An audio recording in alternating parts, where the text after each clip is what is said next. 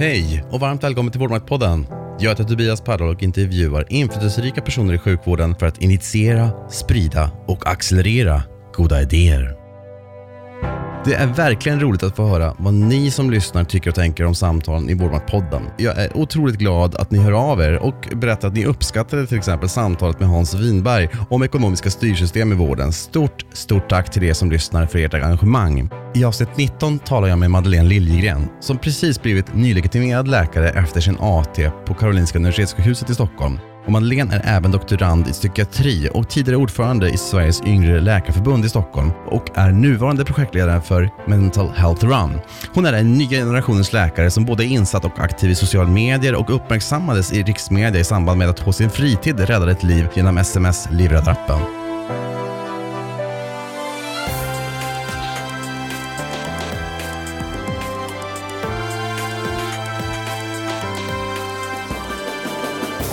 Idag talar vi om hur det är att vara AT-läkare och huruvida man tillvaratar den yngre generationens åsikter och tankar om att rädda liv som sms-livräddare och om sociala medier och hur man jobbar med det. Om lusten att leda bland yngre läkare, ja, och mycket annat såklart. Varmt välkommen till Vårdmaktpodden, Madeleine Liljegren. Tack så hemskt mycket. Jättekul att vara här. Mår du bra idag? Jag mår alldeles utmärkt, det gör jag. Vi fick ju göra en liten brandutryckning och flytta oss Ja. från, från inspelningsplatsen hemma hos dig till hemma hos oss. Ehm, Precis. Men det gick bra. Det gick bra. Gott kaffe. Ja, det är bra. Tackar för. Starkt om inte annat. Ja, det gillar jag. med lite klumpar av grädde i. Ja. Ja. Madeleine, stort grattis till att du blivit klar med AT'n. Åh, tack så jättemycket. Hur känns det? Det känns fantastiskt. Liksom, äntligen har gått i, i mål på något sätt. Hur brukar du berätta om vad AT är för någonting, för de som inte känner till begreppet? Ehm, Jag brukar säga att det är någonting som vi läkare måste göra i Sverige för att få vår legitimation. Och att det är någonting man gör, man går runt på olika avdelningar eller, eller sektorer. Som brukar jag säga det, att det är medicin, kirurgi, psykiatri och vårdcentral. Och sen får man legitimation. AT står för allmäntjänstgöring. Mm, just det. Och eh, sen så, när du väl studerade nere i Lund, vad var roligast under studietiden? Alltså det roligaste var, det kommer låta nördigt, men det var att plugga till läkare. Jag var så stolt, jag var så glad, jag var helt euforisk. Jag kommer att jag satt där på uppropet och tänkte så här, gud, här sitter Sveriges smartaste människor. Och jag. Inte minst mitt intresse för forskning väcktes där. Eh, min handledare i forskningen, Elisabeth Englund, som jag gjorde mina examensarbeten för termin 5 och 10. Eh, och då öppnades också en ny värld för mig, det här med forskningen. Så det är jag också jättetacksam och, och glad över. Vilken nation tillhörde du? Ehm, först var det Göteborgs, eh, sen blev det Sydskånska och så var jag med i Lunds ett tag och Malmös. Men det var mest för att jag ville ha ett stipendium som de hade just till, till läkarstudenter. systemet? Jag utnyttjade systemet friskt. Ehm, så jag, jag var inte aktiv. Jag var aktiv i Göteborgs nation första året där när jag läste molekylärbiolog. Lundakarnevalen? ja, den har jag varit med på. Jag jobbade i något öltält typ, men jag var, jag var inte engagerad liksom, i, i karnevalen på det sättet. Du var ju sen eh, ordförande för Sylf här i Stockholm. Vad drev du och gjorde där? Ehm, Jag drev lite olika frågor. Dels ehm, fokuserade vi mycket på bristen på AT-platser i Stockholm. Det här som vi började prata om i början av samtalet, allmäntjänstgöring då, som, som vi läkare måste göra för att få legitimation. Det, vi har inget val. Och där är det alldeles för få platser i förhållande till antalet färdiga examinerade läkare. Eh, väntetiderna är väldigt långa i Stockholm. Den frågan drev vi. Eh, vi drev också eh, frågan kring ledarskaps-ST under min tid. Eh, jag tycker det är väldigt viktigt med ledarskap, att vi läkare tar på oss ledar och chefskapsroller i vården. Vad är ledarskaps-SD för någonting? Ledarskaps-ST, alltså ST likt AT står för specialisttjänstgöring. Så att man gör en, när man är klar med sin AT och fått legitimation så gör man ST, till exempel inom psykiatri, kirurgi, allmänmedicin eller vad du vill. Eh, och sen blir man specialist i, någonting ämne, eh, i något av de ämnena då. Ledarskaps-ST är ett eh, fenomen som finns på olika platser i landet, bland annat Region Skåne, Västra Götaland och även Västerbotten. Ehm, Har funnits på KP Sankt Göran och också. KP Sankt Göran, precis. Det finns några lokala initiativ och det är som en slags påbyggnadsutbildning till den vanliga STn med fokus på ledarskap, management, eh, hälso och sjukvårdsekonomi. Eh, för att, i syfte liksom att, att skola in läkare till att sen kunna ta sig an chefskaps och ledarskapsroller inom organisationen på sikt. Och det, det tror jag är bra. Vann eh, det någon gehör? Ja, det, det, är lite så med, med fackligt arbete och eh, säkert även politiskt arbete att det, det tar ganska lång tid. Man får, man får jobba ihärdigt och sen kanske någon annan längre fram som får skörda frukten av det. Um, så att, uh, jag vet att det rör sig lite nu i Stockholm i leden. Jag hör rykten om att uh, fler och fler politiker blir positivt inställda till den här idén, vilket de i och för sig var redan när vi lanserade den uh, under min tid. Men det, det, är klart, det måste vara jättesvårt att vara politiker också. Man kan inte lova allt till alla. men det jag har försökt få fram till dem var att det här är en investering för landstinget att eh, fånga upp de här personerna. Jag menar, I vilken annan bransch som helst i princip så finns det traineeprogram och såna här, eh, liksom, att man aktivt letar efter morgondagens ledare och chefer i organisationen. Men i sjukvården så lyser de möjligheterna, i alla fall i Stockholm, in, inte minst med sin frånvaro. Och det tycker jag är väldigt märkligt. Vad är Maktsalongen och vad gör du där? Maktsalongen är en organisation som har som mål att få in fler kvinnor på ledande positioner i samhället, eh, inte minst i civilsamhället. De driver också ett mentorsprogram för unga kvinnliga ledare i just eh, civilsamhället. Och där eh, har jag varit mentor åt en ung tjej eh, i ett års tid och eh, är med i deras nätverk, då, alumni-nätverk. Och det är verkligen ett jätte, jättebra eh, initiativ, bra organisation. Och eh, jag kände det själv, att när jag var ledare, liksom mina första ledaruppdrag, så var jag ung och jag hade liksom inte någon att fråga, förutom mina föräldrar som har varit jättebra stöd och är väldigt duktiga. Men eh, jag kände själv att det hade varit skönt att ha någon att bolla med. Och då tänkte jag, men det här vill jag verkligen göra. Om jag kan hjälpa en, en ung tjej och liksom stötta henne i, i hennes utveckling, i sin ledarutveckling, så, så vill jag gärna göra det. Så hur kan man, om man vill mm få en mentor, mm. hur, hur, ska man ansöka om det där då? Eller? Ja, de har då det här mentorskapsprogrammet som startar en gång varje år. Nu har de precis kört igång det nya programmet. Um, och jag var där bara för några veckor sedan och pratade i egenskap av då mentor, för att uh, de har ju frågor och sådär. Um, så man kan höra sig till dem. det finns andra mentorsprogram också som man, jag vet inte nu exakt namnet på dem, men det finns flera organisationer där de, där de just har sådana mentorskap. Men Maktsalongen startar en gång per år. Men de de har utvidgats och de finns inte bara i Stockholm utan i, i andra städer i Sverige också. Så det är bra. Andra vårdprofessioner? Jo, det, logoped vet jag. De, logoped och fysioterapeut har varit med. Både, om det var mentor eller adept kommer jag faktiskt inte ihåg. Men eh, det, det, är svårt att säga men, att svara på, mig, på för mig. Men, eh, men läkarna lyste med sin frånvaro. Och jag tycker det är så intressant, för jag umgås mycket med personer som inte är läkare också. Jag tycker det är väldigt kul att röra mig även i, i sådana kretsar. Um, det, det, är berikande. Det, det är vi många som gör. Ja, så att, så att, men jag kände det just i, i, då, i, så här, i maktsalongen, att, um, att det var roligt att få umgås med andra personer också, som inte jobbar som läkare. Nej, men Det är intressant. Därför att, mm. alltså, om, man, mm. om man vänder på det och säger mm. så här, mm. du, de flesta av våra äldre kollegor som mm. är överläkare och har ja, jobbat hela ja. sitt liv i sjukvården, de har i princip aldrig frontats med någon annan kompetens än, annan, än vårdkompetenser under Nej. hela sitt liksom, ja. yrkesverksamma liv. Är inte det fascinerande? Det är hur ett kan ord. Man ens, det är ett ord. hur kan man ens undvika allt annat? Nej, men alltså, kontexten som vi verkar i är mm. ju inte... Den är sluten. Jo, det är sant. Um, på det sättet att mm. vi det är inte så många civilingenjörer, eller jurister eller ekonomer som man Nej. har att göra med när man Nej. jobbar kliniskt. Liksom. Nej. Och därför tror jag också att det är många av dem som får ta mycket skit. Även du vet, konsulterna och du vet, ekonomerna. De fattar inte det här. Liksom. Men Jo, de har bara ett annat sätt att se på det. Men jag tror att vi måste prata tillsammans för att det ska bli en bra utveckling. Jag tycker som sagt att läkare ska ta mer ansvar i sjukvårdsutvecklingen och ta sig an chefskap. Men jag tror absolut att vi har mycket att lära av, av andra professioner också och få deras perspektiv. Um, men det, det, är faktiskt sant det du säger. Men det kanske är för att de har suttit i sin lilla medicinska värld hela livet. Nej, men jag, jag vill inte på något sätt... Um när jag säger det, vi har mm. inte skuldbelägga rakt nej. av liksom professionen så. Utan, eller för den delen, det är inte bara läkare, utan det är sjuksköterskor och andra ja, yrkesprofessioner ja. också. Utan snarare bara att strukturen mm. och organisationen mm. innefattar inte de här mötena. Nej, Nej, det har du rätt i. Mm. Och så, så, så, även om du vill, mm, mm. Ja, men, jag ska ta, att till och med explicit tala om mm. psykiatrin. Ja. För att, det, om man uttrycker sig lite plumpt, men det är inte så, det är inte så high tech. Det är mycket samtal. Det, Ja, alltså, precis, ja. Alltså, du menar high tech, du menar, det är inte så mycket röntgen och liksom operationsteknik. Det kommer. Ja, jag vet. Men jag vet. Jag vet, jag vet. Men det har inte varit det. Nej, jag förstår. Jag förstår. Ja. Men, men, men, och utifrån den kontexten, Mm. än mindre ähm, gränsytor mot Ja. andra kompetenser. Ja, ja. Mm. Ehm, jo, det är sant, det håller jag med om. Däremot är psykiatrin mycket mer det här samhällsperspektivet. Vi har mycket kontakt med socialtjänsten och, och liksom Ja, är kuratorer. och Så här. Men det är också lite inom vården på något sätt. Eh, Missbruksvården, kommunerna och sådär. Men jo, men absolut, så är det ju verkligen. Mm. Hur, ska man, hur ska man gö- göra det, tror du? Hur ska man, hur ska man liksom, om, man, men om, man, om man är intresserad av, eller förstår att det här är bra för att korsbefrukta varandra kom, Ja. kompetensmässigt. Vad ska man göra då, tror du?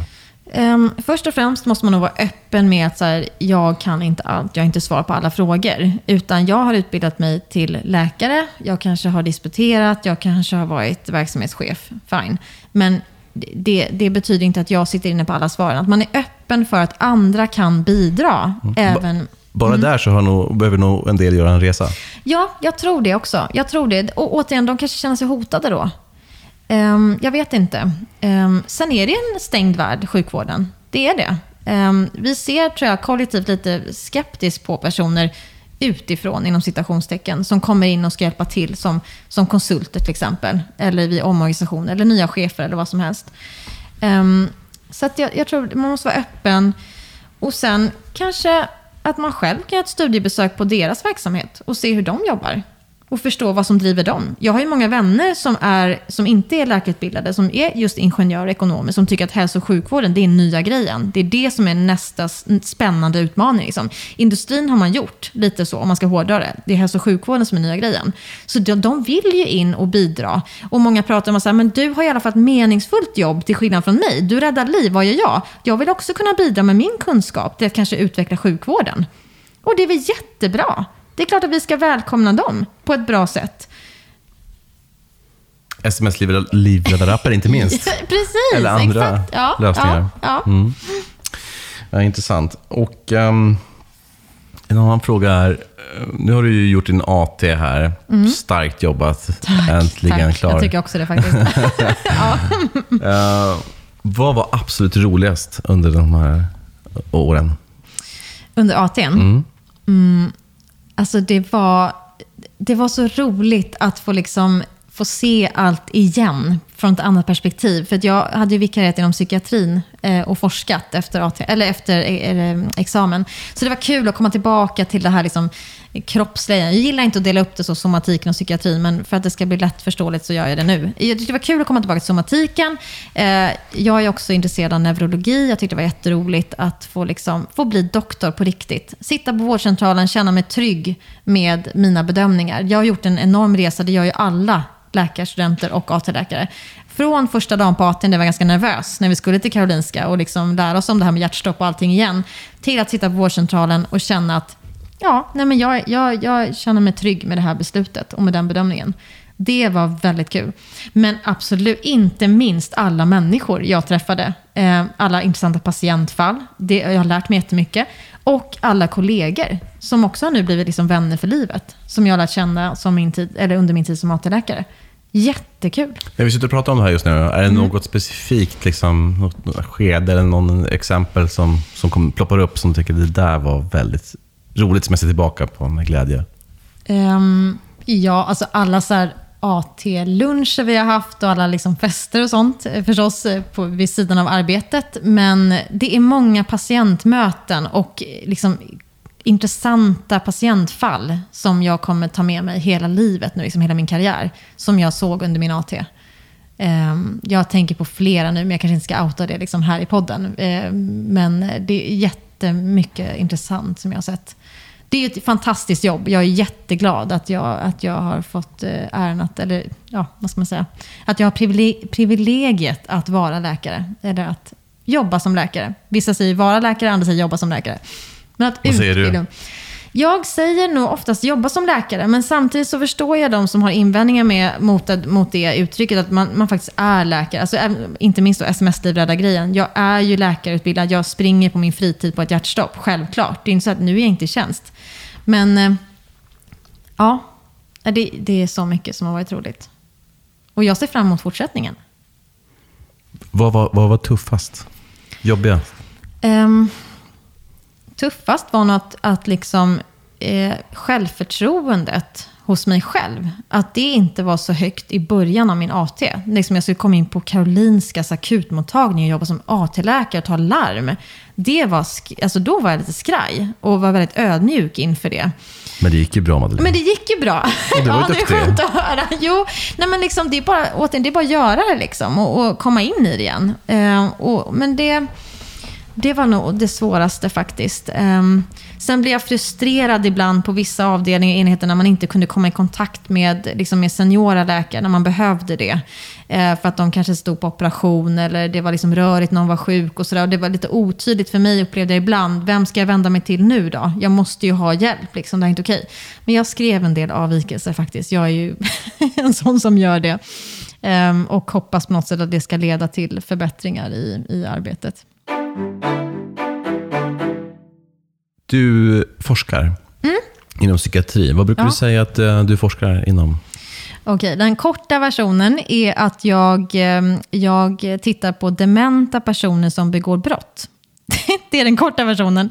Och eh, den lite längre versionen är att jag, jag studerar eh, personer med demenssjukdom. Det finns ju många olika, Alzheimers, frontotemporal demens, vaskulär demens och så vidare.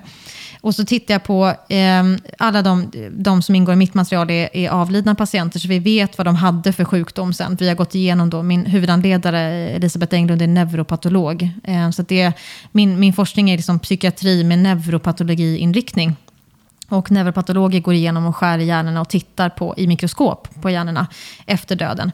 Så vi vet vad de hade för sjukdom. Och sen tittar jag på hur de betedde sig när de var i livet. Om de kom i kontakt med polisen till exempel, om de snattade, om de eh, eh, slogs, eh, eh körde mot rött och så vidare. Under hela deras liv? Eh, under, den, under den tiden de var sjuka. Okay. Ehm, och, eh, vad, är, vad är hypotesen? Mm, hypotesen är att de med frontotemporal demens eh, begår kriminella handlingar i större utsträckning än, än andra demenssjuka. Vi har ingen kontrollgrupp med friska personer, utan vi tittar just på de här demenssjukdomarna. För att vi vet att just frontotemporal demens eh, drabbar oftast yngre personer, någonstans i 50-årsåldern. Vissa kan vara så unga som 30 när de drabbas. Eh, de börjar bete sig märkligt just beteendemässigt, personligheten förändras. Till skillnad från exempel Alzheimers sjukdom som oftast man märker att, att kanske mormor glömmer var hon lagt nycklarna eller farfar går vilse på stan och sånt där. De funktionerna är oftast bevarade hos de här personerna. Men de börjar med en beteendestörning. Och det är jättesvårt eh, att, eh, att inse att det är det de lider av. Inte minst i början då, när de fungerar så väl i övrigt. Och då begår de de här konstiga eh, handlingarna, eh, vilket gör att det blir såna sociala katastrofer. De ligger i skilsmässa, de blir uppsagda från jobbet och sådär, för de beter sig så konstigt. Och sen långt efteråt så förstår man, jaha, det var en demenssjukdom.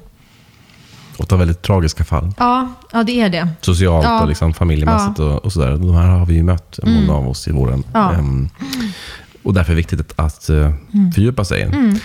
Mm, en, en, en, en, fråga som mm. kanske blottar min okunnighet, men, mm. men någonstans undrar jag, är det här en psykiatri? Är det här inom psykiatrin? Alltså det där är lite så gränsdragning. Och jag tycker just det, eftersom jag vill bli psykiater och neurolog. Det är liksom min dröm, att bli den kombinationen. För jag tycker hjärnan är så intressant. I, det beror på lite var i landet man verkar. När jag har min forskning nere i Lund, där är det ju psykiatrin som, som tidigare historiskt sett har tagit hand om de här patienterna, de här demenssjuka. I vissa ställen i landet är det geriatriken som gör det och på vissa ställen neurologerna. Um, så att, men jag tycker det här beteendemässiga är det intressanta och det på något sätt är ju ändå psykiatri, att de beter sig konstigt. Vissa av de här har psykotiska symptom också, som man sen förstår att det inte är en psykossjukdom som schizofreni eller bipolär sjukdom, utan det är en frontotemporal demens. Så det är ändå, många hamnar hos psykiatrin i början och sen remitteras de vidare till, till andra enheter. Och psykos, det är ju liksom mm. man hör röster eller ser hallucinationer. Ja, vanföreställningar. Eller ja, tappar verklighetsuppfattningen. Exakt. Mm. Eh, ett väldigt drastiskt tillstånd. Ja. Ska sägas. En reflektion där, mm. bara, det är väldigt mm. intressant att precis som du säger så det är psykiatri, geriatrik och neurologi som på något mm. sätt, beroende lite grann på vad man är, så är det olika som tar hand om mm. det här för att det ligger i mm. gränslandet. Mm. Det är också ganska talande för vår värld. Att det, här, det, finns liksom inte, det är inte alltid säkert vem som ansvarar för vad. Nej, visst. Visst är det så. Man kan tycka så här, ja, men det här borde ju vara kanske en geriatrik. Alla mm, borde mm, ta ansvar för det. Mm, mm, ja, men då tycker vissa geriatriska mm, kliniker att nej, men det här är inte nej, vårt ansvar. Det är, det är ju psykiatrin det här. Ja, ja. Oh, det här Svarte Petter. Eh, att man liksom bollar patienten mellan enheter för att ingen vill ta tag i liksom, helhetsproblemet. Det tycker jag är tråkigt också. Jag, jag fick gå, eller vi hade det när jag var på psykiatrin som AT, så fick vi en remiss från just geriatriken. En kvinna som hade fått en, en traumatisk eh, blödning i hjärnan, i de främre delarna av hjärnan. Och sen så tyckte anhöriga att hon hade blivit personlighetsförändrad efter det. Och då skickade geriatriken en remiss till oss och ber oss om att bedöma den här kvinnan. Och då kände jag bara så nej men nu får vi väl ändå ge oss. Hon har haft en blödning i frontala loben, det vill säga där vi vet att personligheten och mycket sitter. Och geriatriken vet om detta också. Men på något sätt så skickar de en remiss till oss, att vi ska göra en psykiatrisk bedömning så här kort in på. Då kände jag också det, nej men det här är inte klokt. Vi måste prata mer med varandra över de här gränserna också. Vad håller vi på med egentligen? Vad är bäst för patienten? Och då kanske det är i vissa fall att psykiatrin ska ta hand om dem? Kanske, kanske. Kan vara, kan vara. Ett exempel på det är bara som mm. Mm. man är bakjour och varit inblandad i många ja, fall. Men liksom, det, det, har hänt eh, ibland att man måste ta, skriva ett, eh, LPT på en patient som är psykos. Mm. Liksom, eller, mm. det, är en, det är en funktionell psykos, eller ja, ja. en patofysiologiskt eh, skild psykos från, ja. från det klassisk psykiatrin. Mm. Eh, på grund av till exempel tumörer i hjärnan. Mm, eh, en sån patient under de perioderna som de är sjuka i det här och det kanske inte är åtgärdbart och så vidare. Nej um, kanske har det bättre inom psykiatrin. Mm. Jag vet inte, men... Nej, men, men Nej det, visst det kan vara så. Absolut. Um, det, det, kan det vara. Men man, att, man, är, man är så ovan att jobba med ja, de här Ja, verkligen. Och där finns det ju många eh, behjärtansvärda initiativ, eh, som till exempel Silvia-hemmet i Stockholm, som jobbar med att utbilda vårdpersonal, sjuksköterskor och läkare, till att bli Silvia-certifierade för att kunna ta hand om, inte minst dementa, som kommer in på olika avdelningar och har de här beteendestörningarna. Så att, att folk även på andra ställen, och inte bara i psykiatrin då, eller på geriatriken, att ska kunna känna sig bekväma med att möta de här eh, individerna i sin sjukdom på bästa sätt. Men jag tror mer samarbete och mer samtal istället för att skicka remisser till varandra och inte prata, utan bara liksom, kan du ta över den här tack? Det tycker jag är tråkigt, framförallt för patienten. Hur tror du att eh, digitaliseringen kommer att påverka sjukvården? Jättemycket. Um, alltså den är redan här. Um, och jag bara känner att det är också en sån grej som jag tror tyvärr att läkarna har varit lite sena på bollen. Vilket är tråkigt. Um, när jag satt i, i, eh, Stockholms läkarförening tidigare, i och med att jag var ordförande i SUF Stockholm, så, så satt jag även i den styrelsen. Så eh, det är jättemånga duktiga personer. Alltså jag har verkligen all respekt till dem. De gör så mycket för oss eh, och jag är jättestolt över dem. Eh, men där var det en del äldre personer som kanske inte hade koll på det här med, med digitalisering och sånt. Och de, de tyckte ofta att liksom nästan reflexmässigt att, att när vi pratade om digitala saker som till exempel min journal på näten, att då blev de väldigt skeptiska. De, de tänkte direkt att här patientsäkerheten är hotad, det kommer sekretessen, hur ska det bli med det? Och de såg väldigt mycket problem. Medan jag tror att vi yngre generationer kanske ser mer möjligheter. Sen kan ju det vara en personlighetsfråga också. Det finns ju många äldre som är väldigt framåt och, och liksom mer än vad jag är till och med. Och yngre som är tvärtom ganska konservativa och bakåtsträvande. Men oavsett vad man tycker så måste vi bara liksom inse att den är här. Digitaliseringen är redan här sedan länge sedan. Det är inget nytt. Den kommer mer och mer. Men för att det ska bli så bra som möjligt för våra patienter, då måste vi i läkarkåren engagera oss och tycka någonting om det. Vi kan inte lägga armarna i kors och se bekymrade och säga att det här är dåligt. Utan vi måste vara med på tåget. Och liksom, ja, det här blir säkert bra, men vi ser de här farhågorna. Hur tänker vi kring det? Liksom? När man sen skapar journalsystem eller, eller det här journal på nätet till exempel. Var, var tror du, eller ser du att digitaliseringen kommer påverka din liksom, konkreta arbetssituation? Jag hoppas hoppas att jag kommer lättare kunna ha kontakt med mina patienter. Nu när jag satt på vårdcentral till exempel som AT-läkare så var det flera patienter, inte minst de yngre, som frågade mig så men kan, jag, kan jag mejla dig då sen när jag, jag, har fått det här svaret? Eller, eller kan du höra av dig till mail, på, på, på mail? Eh, och då sa jag det, tyvärr kan jag inte det. Jag skulle verkligen vilja mejla dig, men jag kan inte det i, idag för vi har inte de systemen så, som är säkra nog. Eh, så jag hoppas att det ska vara lättare för patienterna att komma i kontakt med mig, men även att jag ska kunna komma i kontakt med dem på det sättet som de föredrar. Eh, att kommunikationen ska underlättas. Eh, det här med att man ska sitta och ringa sin vårdcentral på en viss telefontid. Jag menar, det fattar ju vem som helst. Alltså, här, de tiderna är oftast när man själv jobbar, man kanske inte har tid. Eh, Eh, man får sitta i någon kö och liksom, i lång tid och sen kommer man till slut fram. Eller så precis ringer man en minut för sent och det är så här, tyvärr vi har stängt. Eh, om det är akuta besvär, ring 112. Alltså, det är liksom allt eller inget på något sätt. Det måste ju finnas något smidigt mellanting. Men jag tänker också att, eh, att, ehm, att man själv ska kunna ha, kanske, om, jag vet inte för sig, jag har aldrig varit bakjour så länge som att jag inte är där än i min karriär. Det men, kommer. Ja, det kommer, ja, förhoppningsvis. Fortare än du Ehm, tror. ja, eller hur? Att man kanske kan då koppla upp sig hemifrån med, med journalen eh, och sitta hemifrån kanske och jobba någon dag. Om man till exempel behöver vabba så kanske man ändå kan bidra till det kliniska arbetet. Man, man inte måste vara fysiskt på plats hela tiden för att kunna jobba som läkare. Det hoppas jag på. Det är lite mm, kanske luddigt utsvävande svar, men, men lite mer så. Madeleine, du var ju en driven och duktig AT-läkare på akutkliniken på Karolinska när jag var chef där en, Mm, tack. en kortare period. Och, och det inträffade någonting oerhört intressant då, eh, som jag tänkte vi skulle tala om. För att normalt så handleder ju jag och lär ut liksom hur man ja, akutsjukvård helt enkelt, hur man tar hand, svårt, tar hand om svårt sjuka patienter.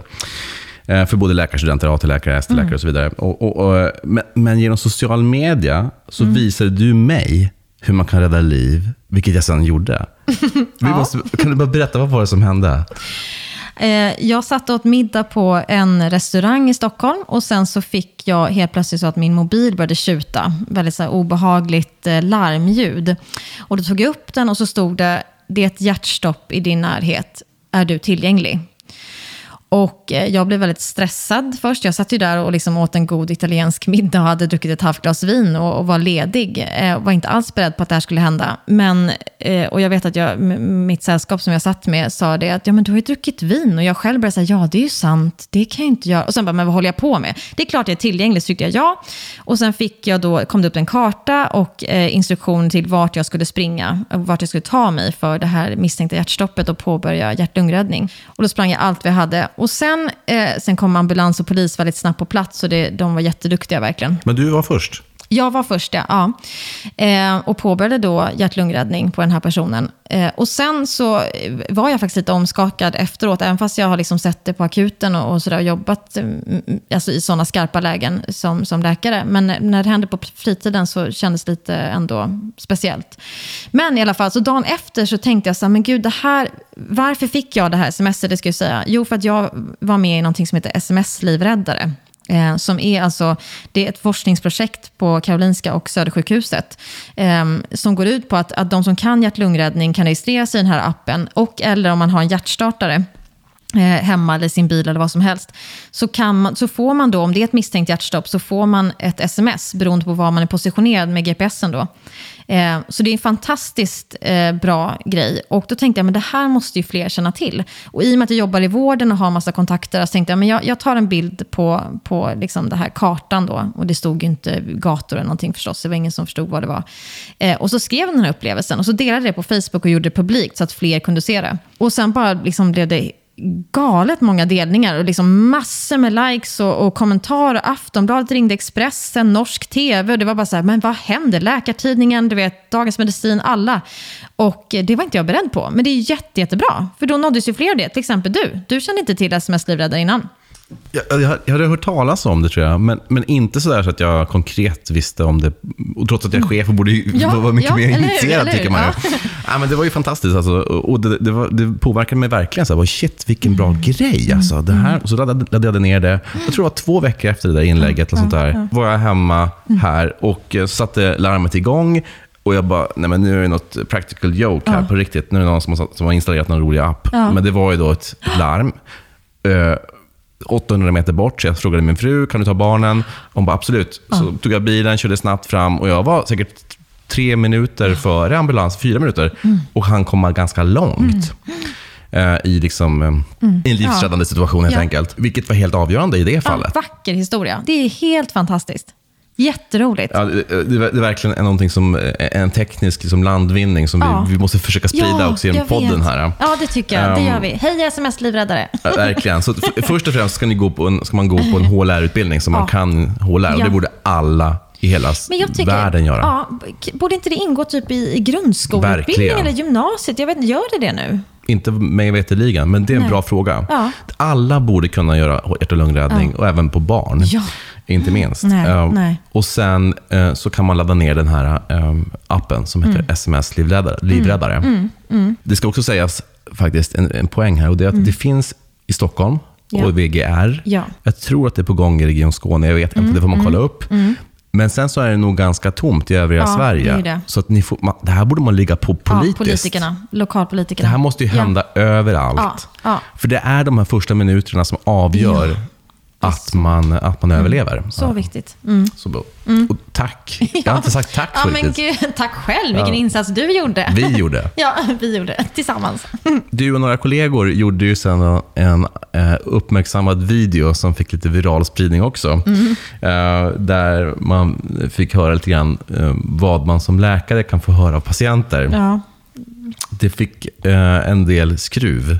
Vill Ja. du berätta vad som hände lite grann? Nej, men jag blev kontaktad av Kit och det här företaget som ägs av Bonnier här för mig. Eh, för att de hade sett mig i sociala medier och så tänkte de att men, eh, det här kanske är en bra person som skulle kunna hjälpa oss med, eh, med vår film. Och de berättade att det här var en, en humoristiskt vinklad film. De hade gjort det tidigare med andra yrkeskategorier och andra grupper av människor. De ville få fram fördomar som vi stötte på när vi berättade att vi jobbar som läkare. Eh, de hade gjort så här, eh, saker man får höra eh, om man är ofrivilligt barnlös, eh, saker man får höra som lärare, saker folk säger till romer och så vidare. De hade liksom olika, det var en grej de gjorde. Och nu ska de göra saker folk säger till läkare. Typ som om du vet om man sitter på en middag och så säger någon, vad jobbar du med? Ja, men jag jobbar som läkare. Då kommer det alltid såna här spontana reaktioner eller liksom fördomar som kommer upp. Tänkte jag, men det låter väl kul och harmlöst, det kan jag göra. Eh, och vi fick skriva manuset själva och sådär. Eh, och då eh, så spelade vi in det och eh, sen så var det två andra läkare som var med också. som jag inte hade no liksom, eh, fått reda på vad de skulle säga. Så, så tänkte jag dagen innan de släppte videon, hmm, jag kanske borde be om att få se videon innan de släpper den. Alltså jag visste ju vad jag hade sagt och stod för det, men ändå. Jag tänkte, nej men det är väl ingen problem. Och så släppte de den här videon dagen efter. Och eh, det blev liksom direkt så här, de allra, allra flesta tyckte det var jättekul. Alltså de var ju liksom likes och såna här, du vet, skrattande gubbar på Facebook övervägde ju liksom alla de där eh, negativa kommentarerna. Men det var en del personer som tog illa vid sig och som uppfattade det här videon som att, att vi hånade patienter, vilket absolut inte var min mening liksom, överhuvudtaget. Eh, och det var faktiskt jättejobbigt den perioden. För jag trodde att det här skulle vara en rolig grej. Och det var ju det som var min intention. Eh, och eh, tyckte det var ah, verkligen hemskt de dagarna. Eh, så- men det var, en- det var en bra erfarenhet också att få uppleva så här, nätdrev, liksom, lite näthat. Eh, man får en annan förståelse för folk som är ut, ute mycket liksom, och hörs och syns. Att... Eh, ja, men i alla fall. Och sen så, eh, men så tänkte jag så här, ja, du vet, man relativiserar. Det var ingen som dog. Liksom det, jag har lärt mig någonting och eh, ja, eh, jag hoppas att folk inte är jätteledsna över den videon. För det var inte min mening, det kan jag säga igen då. Men jag tror också att em, just humor och sjukvård, jag tänker också det var en, en kalender som togs på Karolinska, på Astrid Lindgren Mm, just barnsjuk, det. Mm. barnsjukhus. Med I grund och botten inte så farliga bilder, men, men Nej. det var ett sammanhang Ja. Mm, som folk tog väldigt illa vid sig. Eh, och, det, jag vill inte jämföra dem specifikt, de, de olika delarna, men, Mm, men på något det- sätt så vittnar det om att, att det är känsligt. För jag kan tycka också så här, Mm. att vi som brottas och jobbar med sjukvården, alltså, humor blir ju ett litet ett sätt att liksom komma över Mm. Ja, och ja, um, ja. skratta bort en del jobbiga saker också. Um, men det är känsligt när det når ut till Det det. andra människor. Det är det. Alltså för att jag menar, jag känner det, jag är också patient eller närstående ibland och jag, när jag såg videon så förstod jag att det kan uppfattas på det sättet. Så det, det säger ingenting om och det är intressant där också, som du är inne på, liksom att, att hur alla tolkar saker olika. Och jag har inte något tolkningsföreträde företrädare för någon annan. Um, men jag vet att, att den chefen jag jobbade med då, Sten Friberg, som var på mobila teamet på Karolinska. Han är fantastisk. Ja, han är fantastisk, verkligen. Väldigt inspirerande och rolig person. Uh, för där, jag var faktiskt placerad på psykiatrin just när det här hände då på ATN och pratade med honom direkt. Uh, och, och han sa det också, så här, liksom att det, det kommer alltid vara någon som blir upprörd över, över det du säger eller gör. Um, men tänk på det att som läkare kan du inte skämta. Och det, det, det är tråkigt, men det är kanske lite så eh, på något sätt. Eh, jag tänkte sen, vadå, det här är bara skoj. Jag menar inget illa. Men eh, det, samtidigt så sitter det som det är läkare. Det, det är så laddat ord. Och det var det även för mig, innan du frågade här om, om liksom min bakgrund och, och hur, hur, jag kände när jag kom in på läkarprogrammet. Eller mm, om jag tänker tillbaka på hur jag kände. För mig var det som så här, läkare, det var något magiskt över det jag har en sån romantisk bild av hur det var att vara läkare. Känns, så jag förstår många som säger att, att folk på något sätt tror att, att läkare är någon slags upphöjd du vet, liksom kår som, som är lite bättre och som förväntas ha en mer högre moral än, än andra människor på något sätt. Um, och ja, men det är intressant det där. Lite på mm. piedestal. Ja, ja, men, ja men det är, så, det är så. Och så känner inte jag nu, nu när jag jobbar som läkare och känner massa läkare. Det är som vilka människor som helst. Men det mm. kanske också vittnar lite grann om den kultur vi kommer ifrån. Mm. Mm. För att det är då många av våra kollegor som tycker att man ska vara på piedestal också. ja, absolut. Det, det, har du helt rätt i. Det har du verkligen rätt i. Um, där tror jag också att, apropå det här med yngre generationer, att vi skiljer oss åt en del. Vi, liksom det här med att läkaren är lika med Gud, eller att han eller hon tänker att det är så. Så känner jag inte att, att det är för den yngre generationen. Vi är mycket mer ödmjuka, tror jag. Samtidigt så måste man ändå eh, på något sätt erkänna att men, läkare är en, en, lång och svår utbildning. Det är inte bara fem och ett halvt år på universitetet som är i sig den längsta universitetsutbildningen i Sverige. Det är också då det här med AT och ST och vi blir ju aldrig färdigutbildade, man lär sig hela tiden. Visst, man ska vara ödmjuk, eh, i, alltså ha en ödmjuk inställning, men jag tror också att det är viktigt att läkarna också vågar fatta svåra beslut, för det är det som vi är utbildade till att göra. Finns det något som du själv har funderat eller reagerat på när du nu har börjat jobba som läkare utifrån eh, kontexten att, eh, eh att man kan göra saker och ting bättre och annorlunda? Jag, jag tycker jag ser sånt där hela tiden när jag är ute. Och eh, kanske inte minst som AT-läkare när man hoppar runt väldigt mycket på olika avdelningar och ser både positiva och negativa saker. Man tänker det här borde fler ta efter. Det här är ett jättebra initiativ eller sätt att bedriva en avdelning eller ronda patienter eller hur man nu gör. Medan andra eh, liksom, ja, sätt att jobba på känns bara så här, men herregud, vad, vad håller vi på med? Vi skulle kunna göra så här, så här istället. Och det skulle gå mycket, mycket bättre för oss att jobba effektivt. Och, eh, som då det här mobila teamet där jag var på psykiatrin, där liksom funkade allting var liksom väldigt strukturerat med ronderna och alla visste vad de skulle göra och alla visste sina roller och sina uppgifter. Det var liksom aldrig någon fråga kring vem som skulle göra vad eller varför, utan alla var med på det och jag upplevde att den enheten fungerade väldigt bra. Har du reflekterat över att uh, rondningsarbetet ser väldigt olika ut på olika ja. avdelningar? Ja, det har jag också. Mm. Bara för att förklara också som AT, då, mm. du nämnde det tidigare, mm. men att man är ungefär ett halvår på medicinska specialiteter och, och kliniker, och sen ett mm. halvår inom kirurgiska specialiteter, och sen så gör man mm. psykiatri och eh, allmän medicin eller mm. vårdcentralsarbete. Men man är ganska mycket på sjukhuset och sjukhusen ja. och ser olika kliniker. Ja. Um, Utifrån den kontexten så vill jag fråga, är det, har du som AT-läkare blivit tillfrågad om mm. synpunkter på verksamheterna, alltså ute på, på kliniken? Mm. Liksom? Använder man liksom din kompetens av att ha varit runt och sett olika delar av verksamheten? Jag har aldrig fått den frågan. Du är den första som ställer den. Liksom. Du ställer den ändå inte så, utan du frågar om jag fått den. Eh, nej, Jo, det ska jag säga för sig eh, till Karolinskas försvar. Vår AT-studierektor och AT-chef, Lotta Renström Koskeda, hon är fantastisk och jätte, jätteduktig verkligen. Hon efterfrågar våra synpunkter. Men hon är övergripande, så att, om du liksom menar just där när jag hoppat runt på ja, de olika... Det, det ja, nej, mm. nej, där har jag aldrig fått en sån fråga. Nej. nej. Jag, jag ställer frågan därför att ni mm. som kommer precis liksom in, dels för att ni är den yngre generationen, men, mm. men ni får se delar av verksamheterna på ett sätt som ingen annan överhuvudtaget inom sjukvården får göra. Om man inte jobbar med typ verksamhetsutveckling på någon mm. stabsfunktion mm. kanske. Mm. Men verkligen på djupet, hur mm. man jobbar, vad som funkar bra, vad fungerar inte. Så därför sitter ni i en källa till enorm kunskap. Ja, ja. Visst är det så. Men varför frågar då ingen vad vi tycker? Vad jag, tror du? Vad tror du? ja, men jag tror att, det, som vi pratade om tidigare, man är det här krysset i schemaraden. Liksom. Eh, här har vi någon AT-läkare. Eh, ibland, eh, jag tror nog att jag blir presenterad på alla avdelningar faktiskt. Men jag vet ju kollegor som inte ens har blivit pre presenterade när de kommer till morgonmötena. Utan det är liksom, eh, folk bara kör på i sina vanliga spår och så sitter AT-läkarna på en stol vid sidan. Eh, och ingen frågar, vem är du? Vad har du för bakgrund? Eller liksom, hur länge ska du vara här? Välkommen till oss. Du vet, det är ju få personer som får höra det. Och det är jättesorgligt. Men återigen, det här, se individen bakom. Liksom. Vi är enormt eh, duktiga och har massa olika erfarenheter med oss i bagaget som säkert skulle komma verksamheten till del på ett väldigt bra sätt om de bara intresserade sig för att fråga. Um, och någon gång också, tycker jag, jag vet inte vad du tycker, du har ju som sagt också varit AT-läkare och så, men om man kommer med ett förslag till förbättring på, på den verksamheten man är eh, just där och då, då tycker jag ofta att man möts av liksom reflexmässigt nästan sådär, ja, nej, men du förstår inte hur det fungerar. Liksom. Eller det där har vi provat tidigare. Eller så här, nej, men så här, den här vårdcentralen, då, då har vi det på det här sättet. Jaha, men är det ett argument till att inte göra annorlunda? Eller kan du ge mig ett argument till varför vi inte ska göra det? Faktiskt. Än att bara så här, nej, så här gör vi här.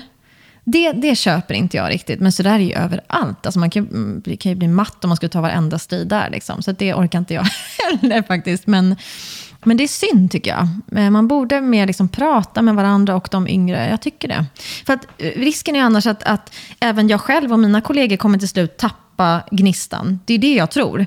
Att till slut så känner man bara, om ingen lyssnar på mig någonsin, varför ska jag anstränga mig? Och så blir man så bitter och sitter där i sin lilla hörna och bara sysslar med sitt och bryr sig inte längre. Och då abdikerar man också från det här ansvaret. Och det, tycker jag, det tror inte jag är bra. Just det. Um, man har ju inom SYLF, mm. återigen Sveriges yngre läkarförening, mm. gjort en undersökning som, som väldigt tydligt visar hur man mm. med tilltagande senioritet mm. tappar intresse för att engagera mm. sig i ledarskapsfrågor, mm. eller för den delen. Varför är det så?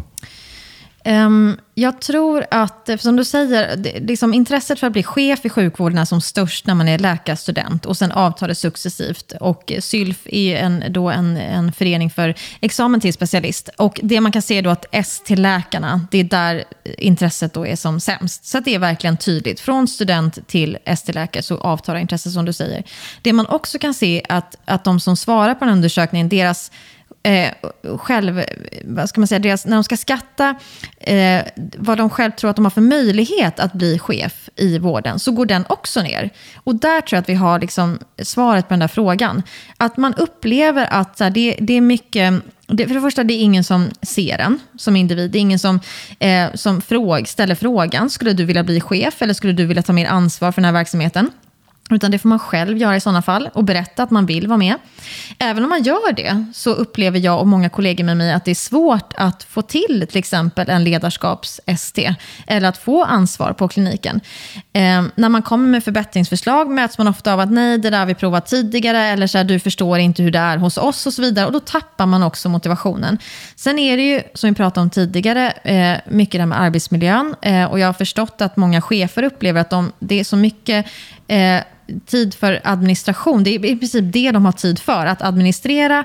Det administrativa stödet runt omkring är ganska bristfälligt. Och då blir det mindre tid till mer visionärt ledarskap och liksom utveckling av verksamheten. Utan det är mer att du ska hålla budget, du ska se till att vi får in de här rapporterna, vi ska rapportera till det registret, liksom se till att det blir gjort. Och det är inte så kul. Det är inte därför tror jag folk vill bli chefer mest. Utan man kanske har en vision om hur man ser sin verksamhet i, i framtiden eller vad man skulle vilja göra med den.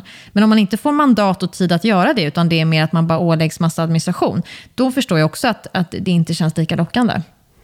Så vad skulle dina topp tre rekommendationer vara till de chefer som sitter och lyssnar på dig just nu? Eh, först och främst, som alla andra branscher, titta er omkring och se de här yngre personerna, påläggskalvarna. De som har kanske fallenhet och intresse för att utvecklas i ledar eller chefskapsfrågor. Att uppmuntra dem, ställ frågan. Ehm, titta även utanför din egen verksamhet. Alltså till exempel om man utlyser tjänster så tycker jag att det ska, vara, det ska inte vara för att jag känner den här personen eller jag har kontakter, utan man ska liksom göra det öppet. För då, då kanske man får en ännu bättre person som man annars hade gått miste om, om man inte hade utlyst tjänsten på ett, ett liksom transparent sätt.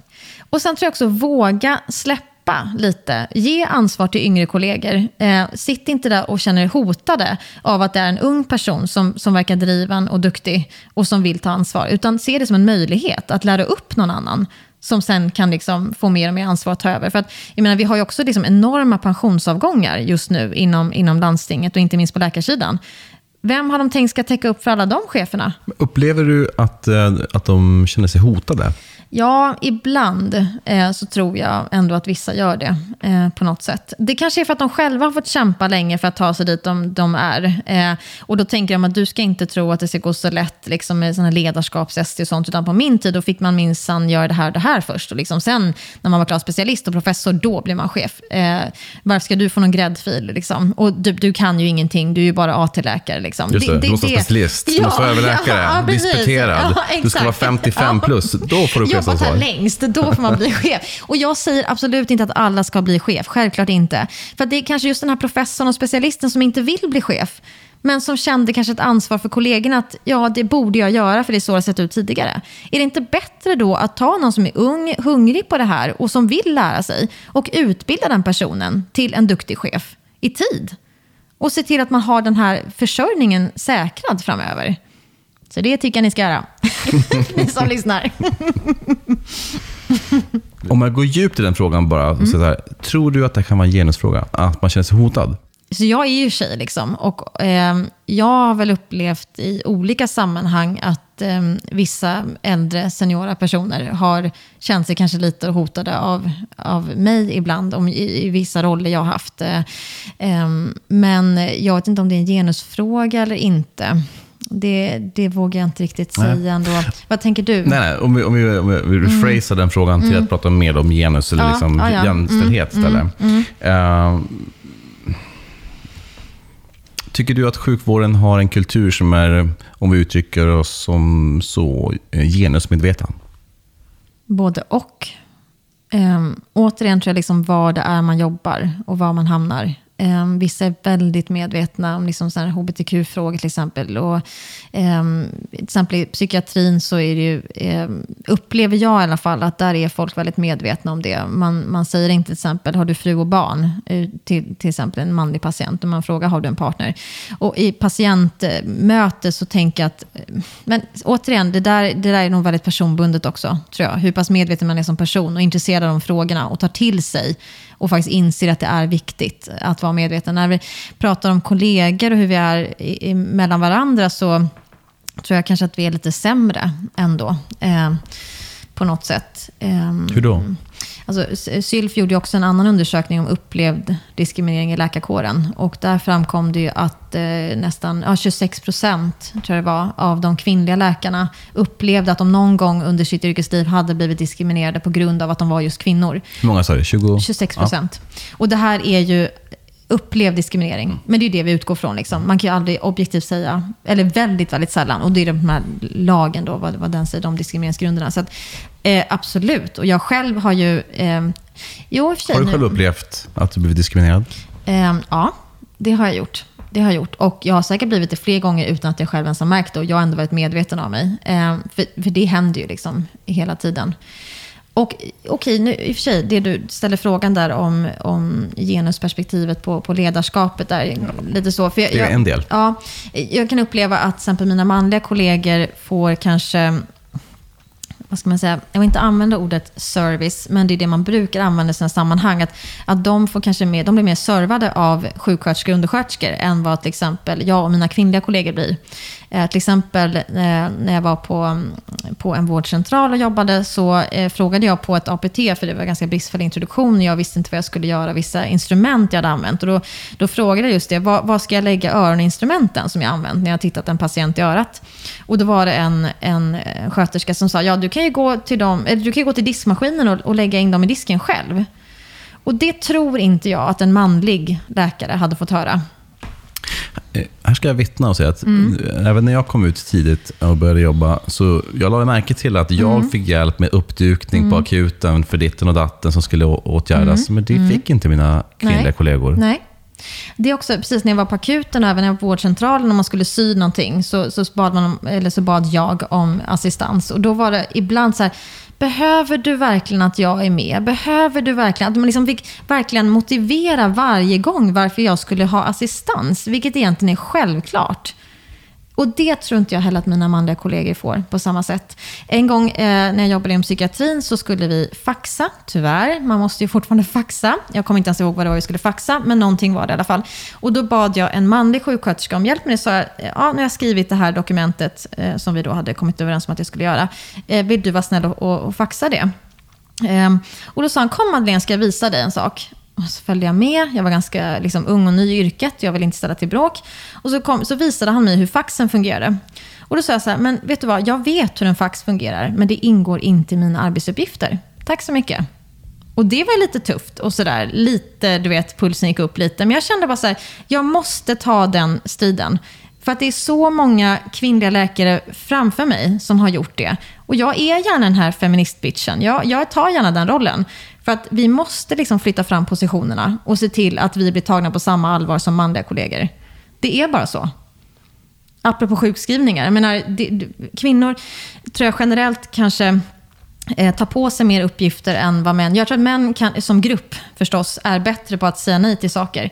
Och som kvinna kanske man då inte vill vara till besvär och säga jo men visst jag kan väl fixa det själv. Eller men jag kan ta det, jag kan ringa det samtalet, nej men jag kan faxa det, det är lugnt, ge mig det. Och sen sitter man där med tusen och en saker och vet inte var man ska börja. Och det är inte bra. Då, kommer vi inte, då kan vi inte göra vårt jobb och det är inte hållbart i längden heller. Ja, intressant. Och, äh, återigen, jag, mm. jag, jag, jag, ser det här också. Mm. Um, varför tror du det är så?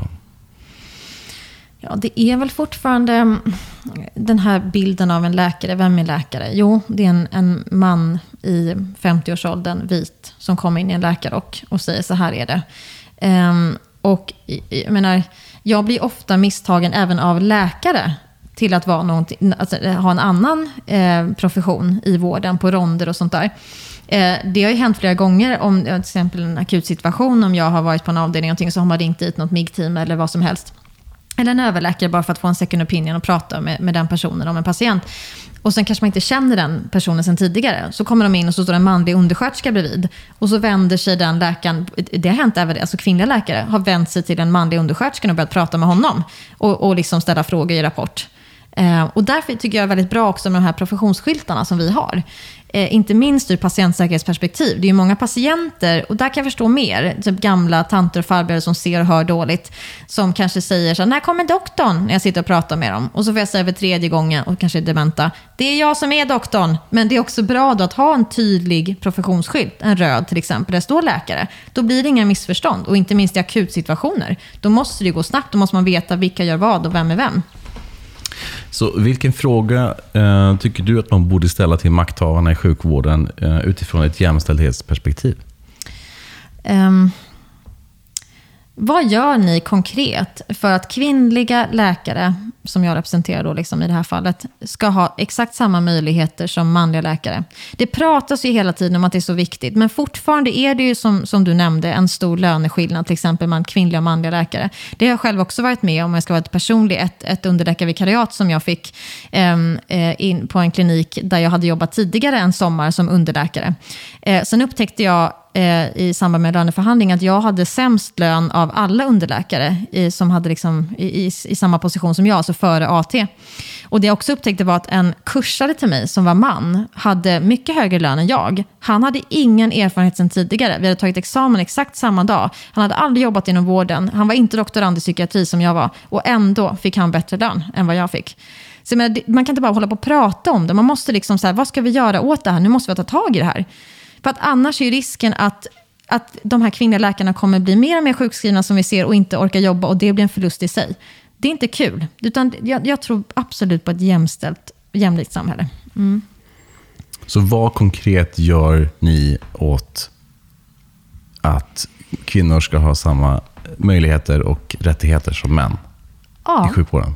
Ja. Till lön och avancemang? Lön, arbetsmiljö, ja, avancemang inte minst i chefspositioner, ledarpositioner. Um, för att, um, ja. Vad gör ni konkret? Inte vad tycker ni eller vad är en perfekt värld, utan vad gör du konkret åt det här problemet? Vi går in i några avrundningsfrågor. Mm? Vad vet du om sjukvården som du tycker att andra borde känna till? Um, en sak jag har tänkt på faktiskt mycket nu när jag var på vårdcentral, det är att um, Stafettläkare pratas det mycket om. Eh, och för de som inte vet vad det är, så personer som jobbar tillfälligt på en enhet för att det saknas personal. Um, Stafettläkare får ta mycket skit, inte minst i media och även av patienter. Det var många av mina patienter som sa det, att det är bara stafettläkare här, det är aldrig någon som har koll och sådär. Och han eller hon verkar inte bry sig om mig. Men jag har ju själv sett vad de får för förutsättningar, de som jobbar som stafettläkare. Det är oftast liksom 10 minuter per patient och då ska man hinna med både administration, samtal, undersökning, du vet receptskrivning, allting. Jag upplever att de allra, allra flesta läkare och andra inom vården gör sitt allra bästa. Vi vill väldigt väl. Vi vill göra det bästa. Men ibland är förutsättningarna svåra för oss. Så att vi inte kan göra vårt allra bästa. Ehm, så att bara lite som ett medskick generellt, att eh, vad jag vet om vården, det är att de allra flesta drivs som att de vill göra gott och hjälpa. Men ibland är förutsättningarna så svåra så att vi inte kan göra det på ett bra sätt. Och inte minst då för de här stafettläkarna. Det är inga elaka människor som hatar patienter, tvärtom. När blev du senast själv förvånad över något inom sjukvården? Åh, oh, gud. Eh, det var nog i förra veckan när jag ringde Socialstyrelsen för att se hur det gick med min legitimation. Och då sa de att ja, den har inte behandlats än, för det är ju som väntetid. Liksom. Och eh, då sa jag, kan jag, få, kan jag få någon bekräftelse på mail till exempel när jag fattat det här beslutet? Eller måste jag vänta på postgången? Ja, nej det går inte. Du måste vänta på posten. Okej, men jag fick ju en bekräftelse på att ni har mottagit min ansökan. Kan ni inte bara skriva ett, ett mail om att här, du har fått legitimation, var, vänta på posten bara så kommer den? Nej, det går inte. Jaha. Och sen eh, för någon månad sen så var jag lite stressad i ett patientsamtal. Jag var lite överbelastad och slog in fel PIN-kod till mitt sådana kort. Eh, som du vet när man loggar in på... Sitskort. På, sittkortet ja. Man loggar in i sitt journalsystem och man ska skriva recept. Så jag skrev in fel kod tre gånger och då låser sig kortet. Och jag bara, nej, nej, nej. Du vet, så här, patientkön bara växte utanför. Vad ska jag göra? Eh, så ringde jag IT-avdelningen och sa, men kan jag legitimera mig med typ mobilt bank-id, någonting så ni ser att det är jag som har det här kortet och, och att ni låser upp det så jag kan sätta en ny eh, PIN-kod. Nej, utan nu måste du vänta i fem arbetsdagar på att du får en ny PUK-kod hem med posten. Och sen får du använda den PUK-koden till att låsa upp ditt kort och, eh, och skapa en ny PIN-kod. För det var, jo, det var första frågan jag fick där på, på kliniken. Men var har du din grå lapp? Jag bara, va? Vad är en grå lappen? Är det något så här, liksom, essentiellt jag har missat här med grå lappen? Ja, nej, men där din PUK-kod står, som du fick med kortet. Ja, men herregud, jag har jobbat i landstinget sedan 2012. Jag kommer inte ihåg var jag har lagt den grå lappen. Liksom. Ja, det, då kände jag bara, men herregud. Liksom. Ja. Och det blev kaos. Men då fick jag ett lånekort och sen efter fem dagar så kom det där blå kuvertet, eller blå lapp, grå menar jag. Och så fick jag byta kod. Mm. Men då kände jag, men nej, men det här är ett skämt. Det här hade ju aldrig någon annan bransch accepterat överhuvudtaget. Men vården, det bara är så liksom. Men Madeleine, var har du din grå lapp? Det är ditt ansvar att ha koll på den grå lappen. Finns det någon sjukvårdsinnovation som du tänkt på borde finnas? Ja, alltså en sak jag har tänkt på, det här med hud. Hud är ju väldigt trevlig specialitet tror jag och väldigt intressant. Men jag är inte duktig på det. Jag har inte exponerats tillräckligt för hudsjukdomar för att kunna ställa liksom, bra diagnoser, tycker jag själv. Det är ganska kort kurs. Det är ganska kort kurs. I Lund hade vi tror jag, två veckor. Ja, sånt där. Det är som ögon, det är sen några ja, veckor. Men det är ögon, vad är det? Just det, ögon. Men, eh, men sen på vårdcentralen kommer det många patienter med hudproblem. Och då har jag tänkt så här, men då skulle jag bara vilja ta en bild på det här, skicka till en hudkonsult. Jag har en kompis som jobbar som mest i hud och han fick hjälpa mig några gånger, lite akut med vissa, med vissa eh, saker. Eh, men då, då tänkte jag så här, men kan man inte bara, skulle man inte kunna ha det att man bara tog en bild på en, en hudåkomma, utan att man ser vem det är förstås, laddar upp det till någon hudjour som tittar på bilden och ger ett diagnosförslag. Det här finns redan. Det finns redan, precis vad jag skulle säga. Det här är inte innovativt, utan det här är ganska basalt. Det finns den där Figure One, den där appen som jag tycker är genial. Eh, där man kan, liksom läkare från hela världen laddar upp bilder på liksom röntgenbilder eller på hudåkommor eller på, på ögon inte minst. Eh, och så, ställer, så beskriver man om sin patient och så, så ber man om hjälp. Så har man ett, hela världens läkare i princip tillgängliga för diagnosförslag. Det är fantastiskt. Men det är klart det är sekretess och sådär. Men, men jag, det skulle jag se, vilja se mer av. Som sagt, det är ingen innovation. Det är inte jag som har kommit på. Men det är bara, liksom, varför använder vi inte det? Vem tycker du ska vara med i Vårdmaktpodden?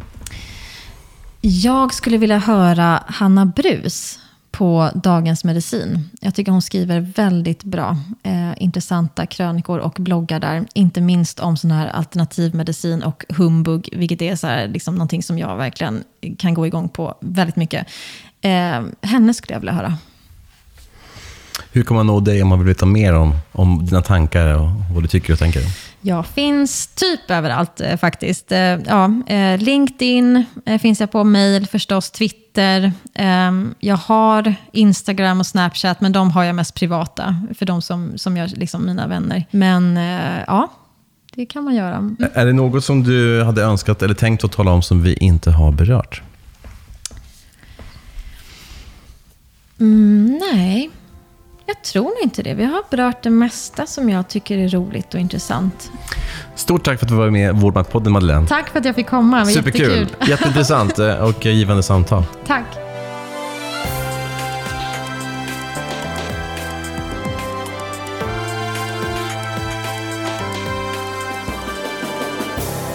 Det är alltid givande att lyssna till vad den nya generationens vårdpersonal tycker och tänker. Så jag hoppas att du som lyssnar också fann samtalet med Madeleine intressant. Och skriv då gärna en rad på Vårdmaktpoddens Facebook-sida, på Twitter eller LinkedIn. I nästa avsnitt, och säsongens sista, så talar jag med Göran Hägglund, vår före detta sjukvårdsminister. Och jag hoppas du vill lyssna på oss. För det börjar med ett samtal, sen är det upp till dig och mig.